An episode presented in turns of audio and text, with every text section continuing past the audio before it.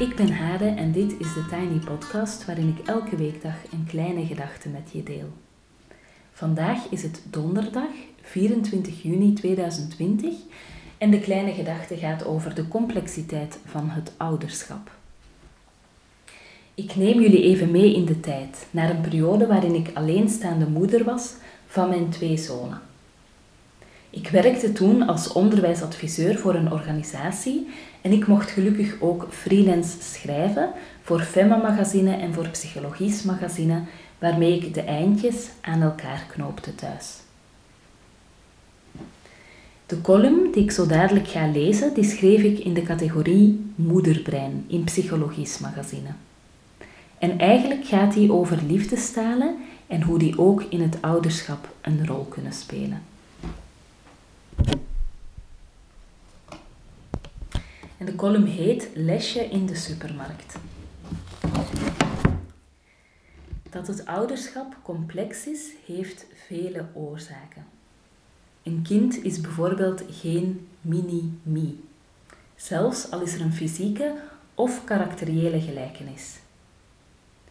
Mijn kinderen verbluffen me bij momenten met eigenschappen of gedragingen waarvan ik echt zeker ben dat ik ze nog genetisch, nog via de opvoeding doorgegeven heb.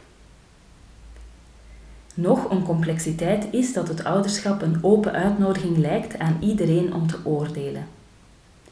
Iedereen vindt er iets van en dat begint al in het kraambed, als er gevraagd wordt of dat mutje niet te warm is.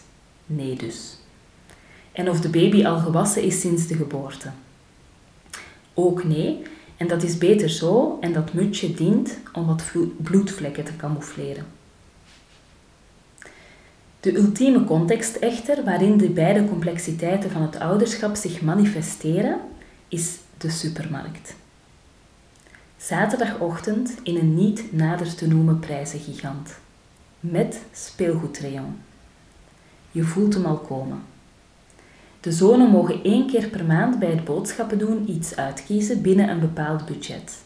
We blijven onder de 10 euro.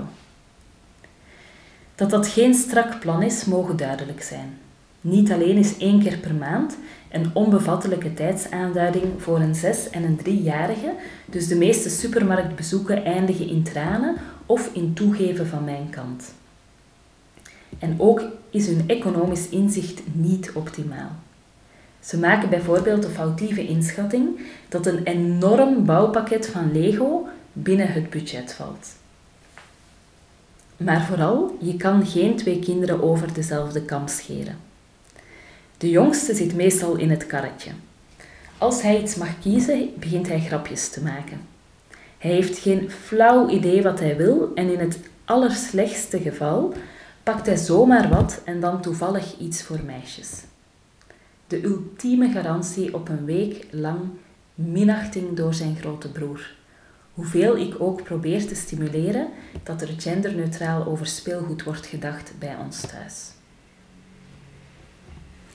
Soms zegt de jongste met een klein stemmetje: Ik wil niks hoor, moeke.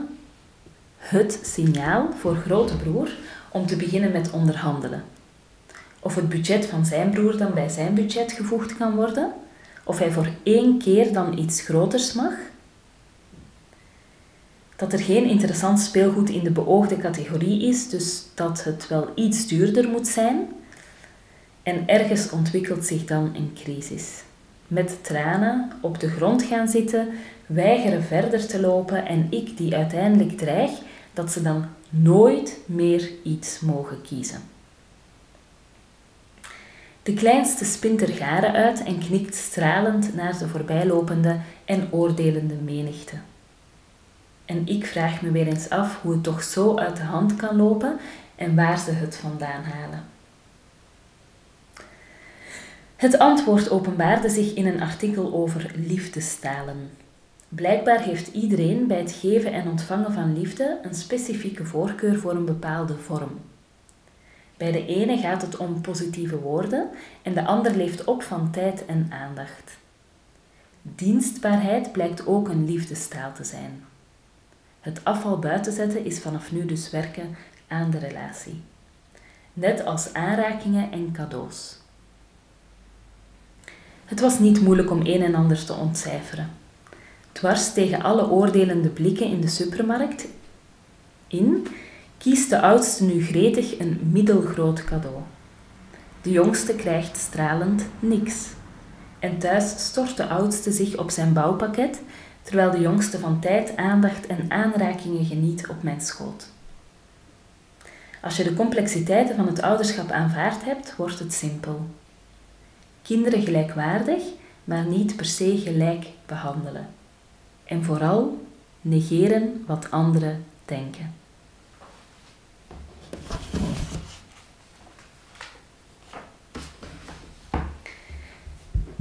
Heb jij ook zin om jouw verhalen te schrijven? Dan verwijs ik je heel graag door naar een cursus uit mijn zomeraanbod.